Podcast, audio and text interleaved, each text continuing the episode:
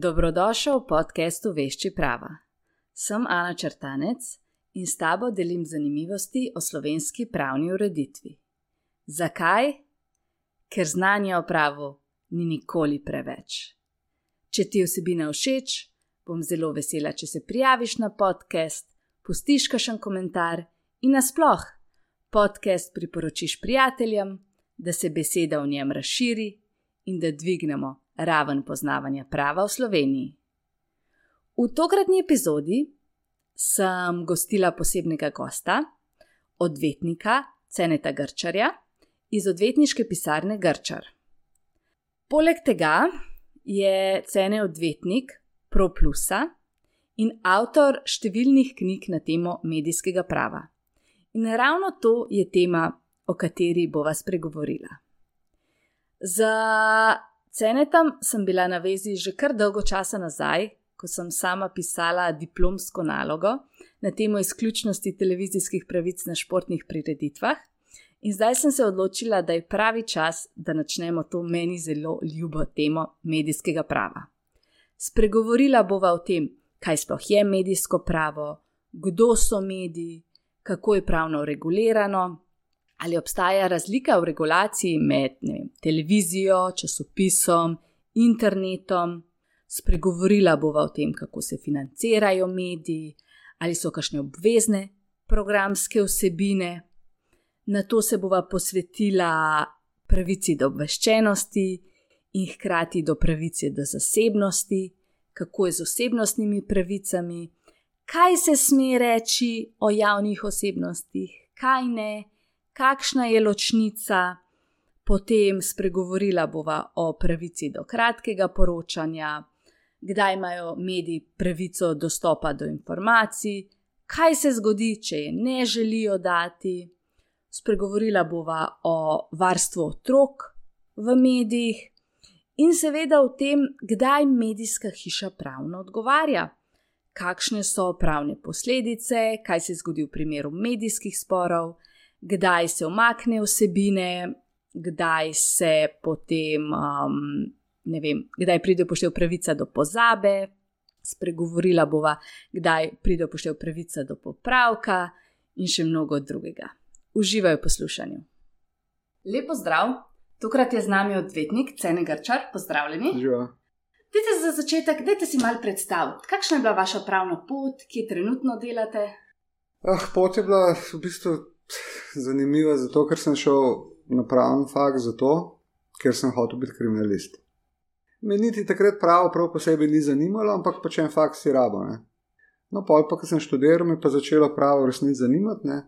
In po splet okoliščin uh, je bil, da so v resnici šel, sem se prijavil po faksu na, na policijo. Ne? In so tok časa pacali z uh, povabilom na zdravniški pregled, sem vmes že ponudil službo na uradu za preprečevanje pranja denarja, ker sem diplomiral na to temo. Pa sem rekel, ok, grem pa tja, se grem še izmer lahko nazaj enkrat. Ne. No, in sem tudi šel na policijo za ne tri mesece kot izmenjavo. Pa je pa spet splet okoliščin bil tak, da se je takrat ustanovil Pop TV oziroma Pro Plus. In jaz sem pa kot pripravnik na uradu prvi zelo slabo plačo, ne? pa to niti ni bil razlog. Razlog je bil ta, da, se, da sem dobil bilo, da lahko grem na sodišče za prosovni spit pripravništvo delati, kar je bilo takrat, se verjetno še danes, zelo dolga vrsta in nisi mogel odkloniti, ker če si odklonil, so te vrgli verjetno na zadnjo mesto. In sem rekel na uradu, ja, jaz moram tjajati, ne, me boste spustili, se to enkrat na teden, ne, dvakrat mogoče. Ne, ne, ne, pa sem do podpovedi. En znanec je bil, na, je bil novinar in je rekel: Pa prihnem, mi zarabimo ful, pa, pa, pa pravnik si pa to. Pa se kot čak, ti normalen, meni to, jaz nimam pojma o tem, niti me ne zanima. Ne, super, no pa sem šel in tako uh, smo imeli še nekaj kursa in v bistvu sem se izučil za, za novinarja, no in sem tudi bil ene tri leta, štir novinar. Zelo, zelo lep poklic, zelo mi je bilo všeč, zelo aktivno, zanimivo, takrat si postavljal še vse. Ne. Um, ampak takrat sem vedel, da če bom v tem ostal, potem je spravim konc. Ne? Pa sem v bistvu se odločil, da bom vse en šel in sem šel v pravno službo takrat. Danes sem podvetnik, sicer, ampak še vedno delam pretežno za Pop TV. Danes sem te povabila, da se pogovoriva o medijskem pravu. Kaj sploh ja. je to, kaj obsega? Eh, to obsega v bistvu ne se par predpisov, ne, ampak kupico drugih še zraven, ne, ker pač mediji živa stvar, stvari se spremenjajo. Ampak v grobem bi lahko rekel, da, da so za medije pri nas veljata dva predpisa, zakon o medijih kot temeljni, ki je že zelo star, večkrat spremenjen. Um, za televizije in za, za audiovizualne medije velja zakon o audiovizualnih medijskih storitvah, ta temelji na direktivi uh, evropski. Sicer pa jasno, ustava, Evropska konvencija o človekovih pravicah, mediji, mediji temeljijo na svobodi izražanja ne, in posledično svobodi tiska. In to so neki glavni predpisi, so pa seveda še drugi, potem od oglaševanja, oglaševanja določenih proizvodov in podobno. Ampak v grobem bi rekel, iz svobode izražanja izhaja vse. Ne. Kaj pa v bistvu sploh je medij? Čem, kaj ti so predelilni element? Zdaj, po tem starem zakonu o medijih je najbolj pomembno, kaj niso mediji. Ne. Mediji niso katalogi, nosilci informacij, ki so namenjeni komuniciranju poslovnemu. Skratka, kar medij naredi, medij v bistvu to, da pripravlja neke programske vsebine z namenom informiranja, zabave tudi, ki so v bistvu uredniško pripravljene in vodene. Ta, ta element uredniškega oblikovanja programskih vsebin je ločnica med medijem in med ne medijem. No. Torej, če se naprimer neka spletna stran pravi, da je medij, pa v bistvu lahko vsi komentirajo brez urednika, pa to ni medij. Načeloma ne, ne? zato ker, ker ker gre samo za neko oglasno desko, na katero vsak lepi kar misel, ne? in te oglasne deske nihče ne, niti ne moderira, niti ne ureja, niti ni odgovoren za njo teoretično. Ne? To ni medij. Je zdaj kakšna razlika glede tega, glede pravne ureditve, glede na vrsto medija? Ja, je, ne. Generalno pri nas je zakon o medijih temeljni akt, ki je pač včasih bil edini akt, ne, ki, ki je urejal od tiskanih do elektronskih medijev. Ne. Ko se je pa Evropska direktiva sprejela, je pa za audiovizualne medije, ne, zelo poenostavljeno za televizijo in televizijo na zahtevo, je pa začel veljati ta predpis zakon o audiovizualnih medijskih storitvah. Tako da precej, precej, um, precej uh, določb zakona o medijih ne velja več za elektronske medije oziroma televizije temeljna načela so pa še vedno veljavna. Ne. Jasno, določene stvari, ki veljajo za, za televizijo, ne morejo veljati za tisk, ker sta popolnoma drug, drug uh, koncept, ampak so, posamezn, so uh, za posamezne medije rahlo drugačne ureditve, glede na objektivne okoliščine. Jasno, Ampak to zdaj pomeni, da manj pravil velja na internetu, kot naprimer na televiziji? Mislim, ja, absolutno velja manj pravil. Uh, ta, uh, vedno je bila televizija najbolj regulirana, ne? zdaj s, s temi novimi načini se počasi skuša regulirati tudi to. Ne vedno regulacija pride vedno z zamikom. Ne? Vedno, ko je nekaj sprejeto, je naslednji dan že zastarelo. Ne? Ampak lahko bi rekel, da je televizija še vedno delač najbolj reguliran medij. Ja. Zdaj, kakšen obstaja pa javni interes na tem področju? Jaz sem v zakonu definiran javni interes, ne, ki je od izobraževanja do podpiranja medijev, ohranjanja identitete, jezika in podobno. Ne. Zdaj to so več na floskole. Deloma se ta javni interes dejansko zasleduje z raznimi javnimi razpisi na področju medijev, kjer kandidirajo predvsem manjši ali pa lokalni mediji, ne za kakšno javna sredstva. Sicer pa bi rekel v javnem interesu, predvsem, da, da medije postijo na miru, da delajo. To je največji javni interes. Ne. Zdaj, kako se pa financira medije, ki je predpisano zakonsko? Mislim, pri nas je seveda javni, javni RTV servis financiran z obvezno pristopino, ne? plus z, z komercialnimi dejavnostmi, ni, to ni samo oglaševanje. Um, sicer pa seveda, kot sem prej rekel, z raznimi javnimi razpisi, ki podpirajo recimo manjše medije, lokalne, regionalne, sicer pa klasične medije, pa seveda z oglaševanjem. Pa glede na to, da naprimer si rekel, da so potrebne neke programske vsebine. So kakšne, ki so obvezno potrebne, je to zakonsko regulirano? Ja, zdaj, če tle morajo ločiti, ne, ali obvezne vsebine v smislu medija in presom, da, da, se, da se ve, kdo je izdajatelj, kdo je odgovoren od njih, ali pa verjetno ti misliš programske, programske vsebine. Ja. Zdaj, seveda, televizija kot najbolj reguliran medij ima največ teh obveznosti. Ne? Od vem, pripravljanja, da mora biti najmanj 50% programskih vsebin audiovizualnih del evropske produkcije, evropske kvote. Aha, prav za vsako televizijo to velja. Ja, ne za vsako, za, za lokalne, pa ne. ne. Recimo za, za pop TV velja. Ne? Najmanj 50% audiovizualnih del mora biti evropskega porekla. To je pač temeljina direktive. Recimo, še vedno velja pri nas, da mora biti uh, vsak izdajatelj televizijskega medija imeti najmanj 20% vlastne produkcije dnevno. V določenem programskem med 18 in 22 uro, mislim, da obvezne kvote slovenskih audiovizualnih del, uh, kvot, obvezne kvote neodvisnih producentov, skratka, kar veliko tega je. No. A za evropske, v okviru Evropske unije, ali naprimer tudi Turčija spada? Uh, tudi člani sveta Evrope, recimo, ne, ne samo Evropska unija, skratka ta širši del Evrope, kot bi rekel. No. Ker vem, da je kar nekaj ja, ja interesa po teh uh, ja. produktih. Zdaj, to je, ko bi rekel, na dolgi rok je to seveda v redu, na, na kratki rok se to vele bilo pa kar pa se težava in kar pa se zloraba. Recimo ameriški študiji so odpirali firme v Evropi. Zato, da so šle, da so šle njihove, njihovi produkti pod AVE kvote evropskih del in podobno. Ampak um, danes mislim, da je to se izkazalo za čisto v redu, zato ker se s tem povečuje, seveda, slovenska AVE dela sodijo tudi v evropsko kvoto. Ne?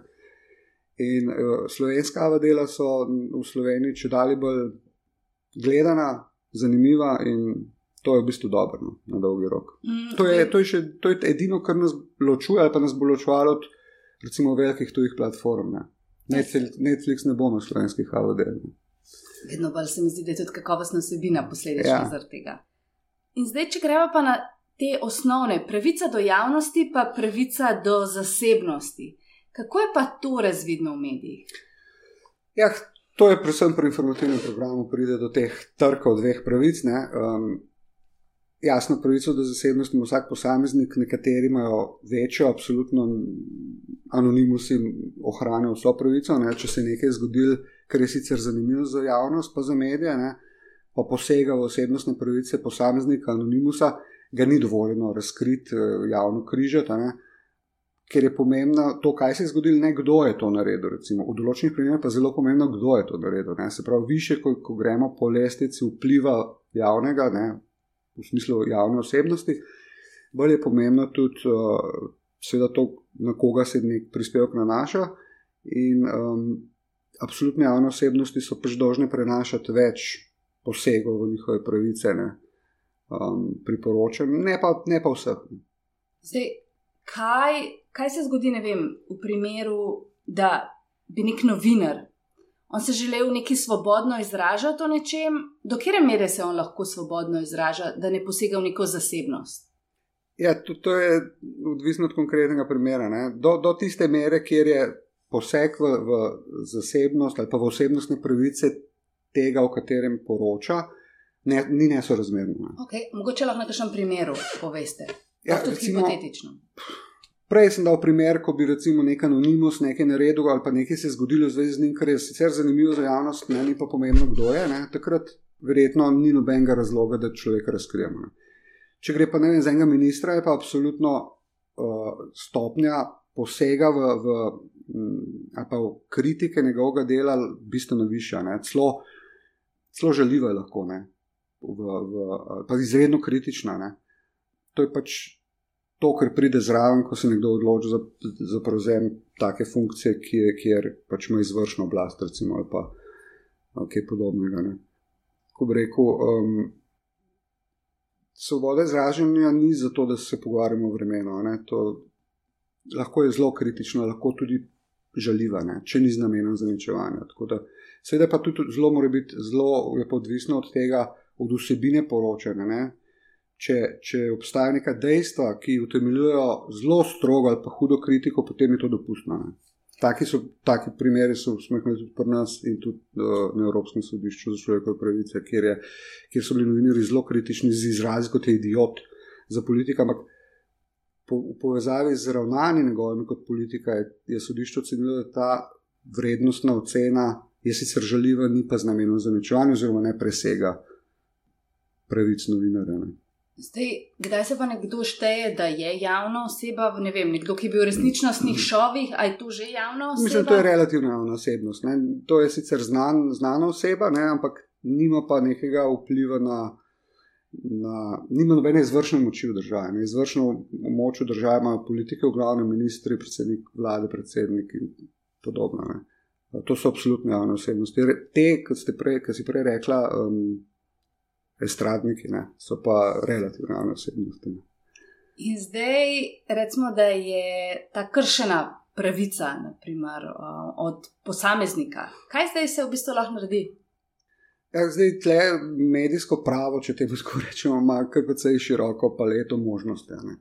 Recimo, pravica do popravka je ena takih, ne, kjer je pač nekdo, ki je prizadet, o katerem je bilo poročano, ne, ne točno, ne, ima pravico zahtevati objavo popravka na, na ta prispevek. To je nek postopek, se bo mogoče pol kasneje o tem. Uh, sicer, pa, sicer pa običajna sredstva uh, predpisov, kot so obligacijski zakonik, ne, prepoved nadaljnih kršitev, očkodninska tožba in podobno, ne, objava sodbe, recimo. Veliko možnosti je, ne. je pa še enkrat, ne, ni pa vsak poseg v, v pravice tretjih, ko gre za novinarsko poročanje, že kar protipravno. Kaj pa, naprimer, če pa je nek žaljiv komentar na vašem forumu? Zdaj, pri nas imamo moderatore, ne, ki skušajo, ne, včasih je tako, da se to vali, ne, ki skušajo ta žaljive odstraniti in jih tudi odstranjujejo. Včasih tudi na poziv, ne, če kaj uide. Ne. Sicer pa zaradi komentarja, mislim, da nismo imeli še nobenega primera, no, sodnega. Mhm. Vse pa kar trudijo odstranjevati žaljive komentarje. Ne. Vem, da doskrat pravijo, da jim je kršena pravica do izražanja. Ne, ni. Ne. Zato, ker pravica do izražanja pomeni, da, da moramo ostali poslušati, niti ne pomeni, da moramo pravico izražanja nekoga organizirati v smislu, da mu bomo nekaj sredstva nuditi, da bo svojo pravico izražal. Prav nič. Njegova pravica izražanja je tudi, da gre lahko v mesto na prešeno trg in tam upije, kar hoče. Prav, pravico do izražanja mediji, zato ker odstrani nek komentar v svojem sistemu, ne, nekomu ne krši. Ne. Zdaj na internetu se je pa razvila pravica do pozabe. Kaj pa je ja. to? E, to je pa v bistvu eh, temelji na eni sodbi, ne, ki je pravilno ugotovilo, ne, da posameznik, ki recimo pri klasičnih medijih, ko je nekaj v arhivu ali pa časopis, ko ga ni več, ne, ko je samo še vnuku, ne vem. Je drugače od interneta, kjer vedno ostaneš gor. Ne? Informacije spred 17 let, jo bo še vedno najdel. Ne? In bo meni, recimo, pisal, da sem ne vem, nekaj naredil, kar se je kasneje skazal, da nisem. Uh, to je zelo poenostavljeno povedano. Ne? In ta, to pravico posamezniku daje, da zahteva v bistvu pozabo, izbris teh podatkov, ki so netočni, niso relevantni, ali pa že takrat niso bili v javnem interesu, ali pa danes, uh, po tolikih letih, tudi niso. Um, ampak tudi tukaj je treba biti zelo previden, ne, ker se ta pravica dobro namerno lahko tudi izkorišča ne, z razno raznimi zahtevki medijem, da ne odstrani nekaj, kar je prvič bilo čisto aktualno, resnično pa še danes je aktualno. Recimo, Pri nas se taki primeri rešijo od primera do primera. Ko nekdo poda zahtevo, recimo za nas smo imeli tak primer in smo, uredniki so pogledali, sem pogledal in smo se strinjali, da umaknejo to. Ne. Ker danes ne pomeni, da, da ni bilo res, ampak danes ni več relevantno. In, če upišeš ime človeka in pride deset let nazaj neka stvar, ki je bila sicer takrat resnična, ni treba, da se to celo življenje vleče za njima. Ne. Tako kot recimo pr, vem, pri kazenskem pravu, institut um, rehabilitacije, ne, je pač tle nekaj podobnega. No. To je zdaj zelo poenostavljeno povedano. Ampak... Zdaj, kako, kdaj imajo pa mediji pravica do informacij, torej dostop do informacij za medije. Kdaj je to možno, kdaj lahko to medij zahteva? Ja, to je, medij, mislim, to je ureditev, to, to ni dostop do informacij javnega značaja. To gre za dokumente, za, za podatke, ki so v neki uh, oprijemljivi obliki. Ne. To ima vsak pravico zahtevati.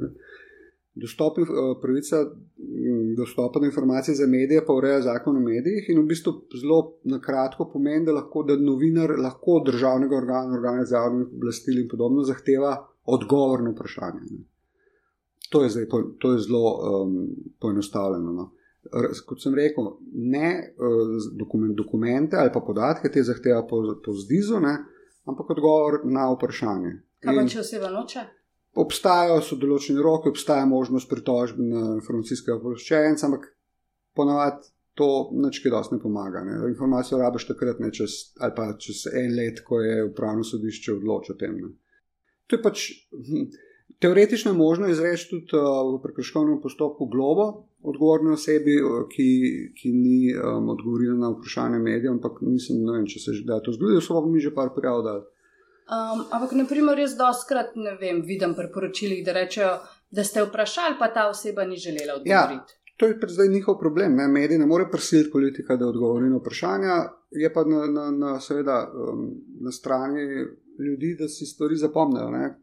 koga volijo vsake štiri leta. Ne? Kdo pa ima dožnost, da odgovori? Ponad v organih so določene osebe pooblaščene za uh, ponad PR-ovce. Zdaj, kaj pa pravica do kratkega poročanja? To pa pravica, ki je v bistvu. Um, Ki pomeni, da, nek, da recimo neka televizija, ki ima pravice za, za nek ekskluzivne pravice, govorim, za, neko, za nek prenos dogodka, ne, pravica do kratkega poročanja pomeni, da televizija, ki nima teh pravic, ker jih ima samo ena, ne, ima pravico vsem o tem poročati in vzeti do 90 sekund materijala, ko poroča o tem dogodku. Ne. Tako pa enostavno povedano, jasno, ekskluzivne pravice ima samo ena, ne, in to zdaj ne pomeni, da druga televizija ne bi smela v informativnem programu poročati o tem dogodku, ne vem, na fuzbol tekmi v Ljubljani, pa je ta zgolj. To je v bistvu pravica do kratkega poročanja. Seveda je pa namenjene pa javnosti, ne? ker pravica do uh, javnosti, do obveščenosti je v bistvu druga plat pravice, ki jo mediji izvršujejo. To je to. Kaj pa pravica do spremljanja uh, pomembnejših dogodkov? To ja. se mi zdi, da je bilo prav aktualen. Vem, da je bil en en, ene, ne vem, šport, ne vem, mislim, ja. košarkarske tekme so bile ja. na eni drugi televiziji. Ja. To, pa, to je pa se razvilo na ravni EU že 20 let nazaj, ne? ko so kakšne velike, velike multinacionalke zakupile pravice za ekskluzivne pravice za kakšne športne dogodke, predvsem, ne? in so jih predvajali na svojih plačljivih programih. Ne? In je pač večji del javnosti, ki nima teh plačljivih programov, bil, ni, ni mogel spremljati teh tekem. On je oblikoval sistem, po katerem vsaka država pripravi spisek seznam pomembnih dogodkov, ne, po nekem postopku, pri nas je to vse zaradi difuzijo, ki naredi posvetovanje in predlog, in na koncu vlada sprejme listo pomembnih dogodkov. In take pomembne dogodke lahko prenaša samo televizija, ki ni plačljiva televizija in ki ima najmanj 75-odstotno pokritost uh, prebivalstva. Ne zdaj, pri nas je zaradi enega proceduralnega, proceduralne napake, smo imeli deset let, um, ta se znam sicer napisal, ampak ni veljal, ker ni bil objavljen v uradnem listu, niti ga niso poslali na Evropsko komisijo. Kaj več zapletov pri nas, pa, pa ni bilo no, v zvezi s tem. In, naprimer, kakšen je ta pomembni dogodek, kaj še naštejete? Predvsem so, predvsem so to tisti, tisti športi, ne, ki, so, ki imajo zveze z državo, recimo nacionalne tekmovanja, udeležba nacionalnih ekip na svetovnih prvenstvih in podobno. Ne. Tam, kjer država lahko temelji, zakaj je interesu. Um, ker ni pa vsaka stvar, se pravi, ta seznam ne more biti uh, neskončno dolg, ne? ampak mora biti zelo omejen, ker če ne izgubi svoj smisel. Ne? V glavnem pa v praksi je to nogomet, košarka, športi, pove, ki so recimo na, na svetovnem nivoju, pa kjer je recimo naša ekipa se uvrstila, pa je ta zgoraj. Zdaj, če gremo v medije, kako so pa nasplošno v medijih varovani otroci? A so ki bolj, a so ki manj? Ja, dobro, zdaj recimo še vedno je v zakonu, ne, da mora biti vem, pornografske stvari v kioskih zaprte, da otrok nima dostopa in podobno, ampak v praksi se to nanaša glavno na televizijo, ne se nisem pornografija, tudi nasilje. Ne. Na televiziji je pa to uh, v bistvu urejen sistem, ki, ki moram reči, da dobro deluje v povezavi z regulatorjem Akosom in tudi v sodelovanju z izdajatelji medijev. Se je oblikoval nek sistem računalniški, kjer v bistvu vsak izdajatelj, ko pride neka vsebina k njemu, jo označi, če gre za tako, če, če je treba označiti. Ne. Od tega, ne vem, primerno za otroke do, nad 12 ali v spremstvu staršev te, recimo, filme morajo biti v določenih časovnih okvirih, ne, ne more biti ob petih en film, ki je popolno nasiljen. Sistem pa je laufa v redu zato, ker so izdajatelji RTV Slovenija, Pro Plus Planet, so vključeni v ta sistem Akosa in ga, ko ga eno znač, en film, recimo, je načeloma tako velja tudi za druge, če, če ga čez par let kupijo. Ne. Včasih pride sicer do različnih mnenj in se rešuje konkretno, ampak sicer pa to, kar deluje na no, ta sistem jasno za neke druge vsebine, predvsem ne, na, na internetu ali pa na zahtevo, pa tudi, mora biti pa recimo ne, vsebine zaščitene, spin in podobno. Ne. zaščiteni otroci tudi glede oglaševanja, ne, ne samo nasilja, pa uh, skratka, ne sme se izkoriščati tudi pri oglaševanju otroke ne, z, z nekimi prijemi, ki, ki bi jih odrasli razumeli, otroci pa ne. ne. Tudi kodeks, recimo, kodeks, um, oglaševalski kodeks ima določbe, tako da so kar zaščiteni otroci. No. Ako si je? Agencija za komunikacijsko mrežo in storitev, to je regulator elektronskih medijev, poleg Ministrstva za kulturo. A samo elektronskih medijev? Mislim, oni se ukvarjajo drugače z drugimi, ampak en del njihove, njihovih nalog tudi, uh, so tudi mediji, elektronski mediji. Zdaj, kdaj medijski ponudnik pravno odgovarja? Ja, odgovarja vedno, kadar je prišlo do kakšne kršitve ali pa protipravnega ravnanja v pravice nekoga tretjega. Ne. Recimo v primeru, ne vem, največkrat se to nanaša na informativno program. Je pač odgovoren, odgovoren urednik, izdajatelj medija, ne, um, kot pravna oseba, ki je pa itak objektivno odgovorna kot pravna oseba za svoje delavce, oziroma za svoje novinarje. Tako da pač, ja, lahko je v postopku novinar kot oseba, lahko je kot, odgovorn, kot objektivno odgovorna uh, firma, se pravi, izdajatelj, lahko pa oba. Ne. Kdaj se lahko pa zahteva umik vsebine? Ja, spet, ko je, če so izpolnjeni vsi elementi odškodninske odgovornosti. Ne. To so pač protipravnost, uh, odgovornost in podobno. Ne. Umik je en, en od elementov restitucije, povrnitve škode. Ne. Ampak pri medijih je to zelo redko, ne, ker, je, ker je pač umik um, recimo začasno odredbo, ne, je zelo problematično v medijih. Ne, ker če se bo čez dve leti popravil, da je konc izkazal, da je bila začasna odredba v Miku neutemeljena, časa se ne da več vrniti. Ne. In uh, pred leti so bili recimo zelo odmevni primeri, bil en konkreten primer, pri nas pa mislim, da delo in dnevnik. Ker smo do vrhovnega sodišča šli, da se je izoblikovala ena sodna praksa, ki je v bistvu to povedano, da je začasna odredba glede umika vsebin pri mediju res izjema, izjema, izjema. Ne. Ker je pač nepovratna, ne.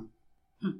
ker so na voljo druga sredstva. Ne. Ampak ni pa absolutno jasno, če bo medij objavil nekaj, kar že takoj vsak človek ve, da je to vem, mladoletno žrtev kaznjega dejanja, ne tle nekaj dosti debate, da je, bi, bila, bi bil umik oziroma začasno treba temeljena. Okay, kdaj lahko posameznik toži medijsko hišo?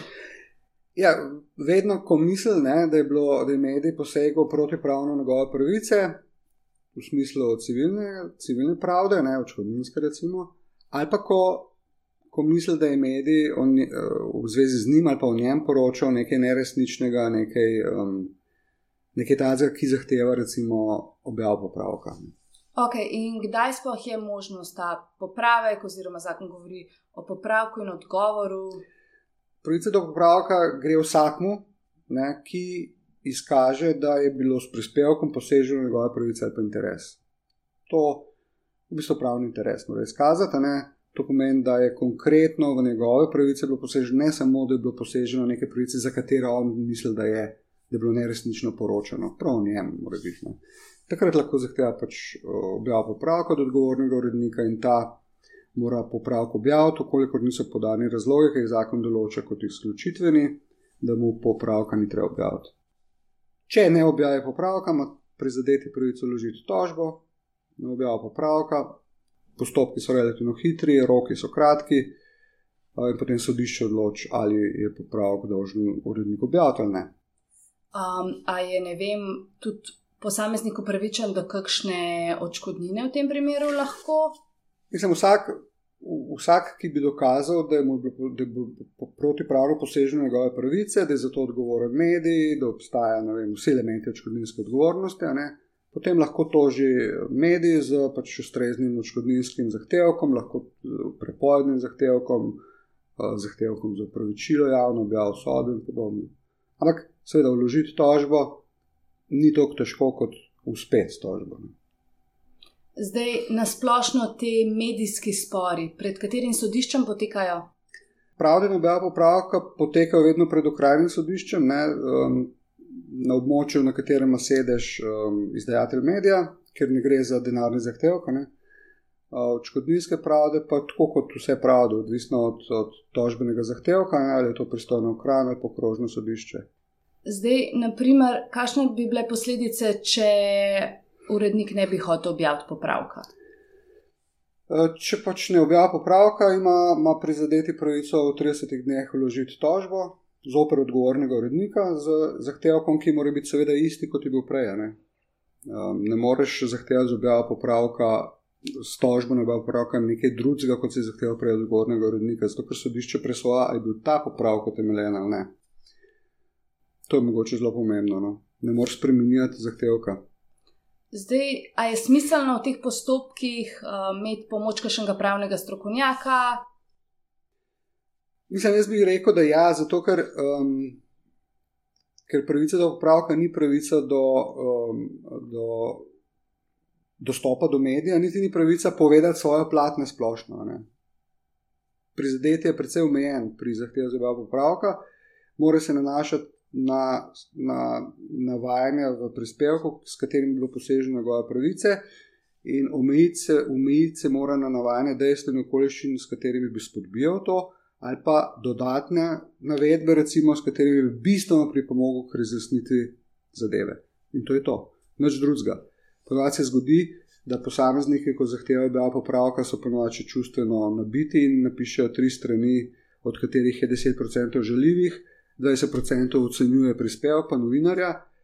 In to vse, vse to so odklonili razlogi, zaradi katerih se zavrne zahtevek. Ker mogoče še to, no, pomembno je to, da sodišče ne more reči, ok, tale odstavek je utemeljen, peti pa sedmi odstavek popravka se, se pa tožba zavrne. Sodišče lahko samo celoten popravek presodi, kot da ga je treba objaviti, ali pa nič. Zato je treba pri popravkih paziti, da se omejiš na tisto, kar popravek je. Popravek pa ni, bom, jaz, bom pa jaz zdaj le povedal svojo zgodbo. Pa zdaj je veliko teh medijskih sporov na splošno, ali se probajo med sabo dogovoriti. Na splošno je kar, mislim, veliko, vse zelo relativno. Prav veliko pravd nimamo, so pa vsake par mesecev, vsake tok časa. Kršne, kršne so celo zelo stare, po, po par let, recimo. Uh, Zahtevko za objavo popravka je pa veliko takih, za katere sploh niti ne vem, zato ker si jih že urednik sam ali objavlja, ali se zmeni za tem, ki je zahteval za kakšno drugo besedilo. Jaz zvem samo takrat, ko odgovorni urednik oceni, da tega popravka ne bo objavil. In potem se posvetuje z mano in potem skupaj najdemo rešitev. In če tudi jaz ocenim, da, je, da so podani razlogi za, za to, da se ne objavi, pač urednik zavrne objavo in potem včasih dobimo tožbo, ne bo popravka, včasih pa ne. Kako je pa naprimer z um, razliko med internetom in televizijo pri teh, ali je kakšna razlika pri teh popravkih, ali v bistvu na enak način funkcionira? Mislim, po svoje vsebini na enak način funkcionira, samo Eh, glede na to, da sta različna medija, je, je popravek se drugače objavil. Zato, ker na televiziji ga drugače kot v informativni oddaji, recimo tam, kjer je bilo, ne moreš objaviti. Tukaj pa se je treba paziti, ne? to je mogoče tudi treba paziti pri zahtevkih, ne? da mora biti seveda na, na internetu objavljen popravek tako, da ni v sedmem predalu nekje skrit za pod prispevkom, ampak mora biti tako, da, je, da se drži zraven prispevka, da doseže svoj smisel. Ne? A, naprimer, če je bilo to rečeno v informativni oddaji, mora biti is, v istem formatu ja, objavljeno. Ja, ja. In na podoben način, na neko redne mesto, ne? recimo v časopisu, bom dal primer. Ne? Če je bila neka informacija, v zvezi s katero je popravek zahteven na prvi strani, potem ne more biti na 17. strani, levo spodaj popravek, ne? ker nima smisla. Hm. Um, a so še kakšne take bistvene razlike glede interneta in televizije, kar se tiče regulacije? Kar se tiče regulacije na splošno, je razlika ta, da je seveda internet bistveno manj reguliran. Ne? Glede same, reko, novinarskega dela, če o tem sprašuješ, pa ni bistvene razlike, zato ker je pač novinarsko delo, je ne glede na mediji, po svoji vse strokovni vsebini enako. No, kodeks novinarjev, če ga spoštuješ, potem je vse en, kje boš svoj prispevek objavil. Edina razlika je mogoče strokovna, v smislu strukture, strokovnih pravil, strukture prispevka, seveda za televizijo različna, ne imaš vod, to, to, internet je pa drugačen, ne, bolj podoben uh, tiskanim medijem, kar se tega tiče, bi rekel. No. Hm. Mogoče še vprašanje, kako gledate pa na razne YouTube, podcaste, ki pač oseba sama ne vem, daje neko vsebino, kako je pa s to regulacijo?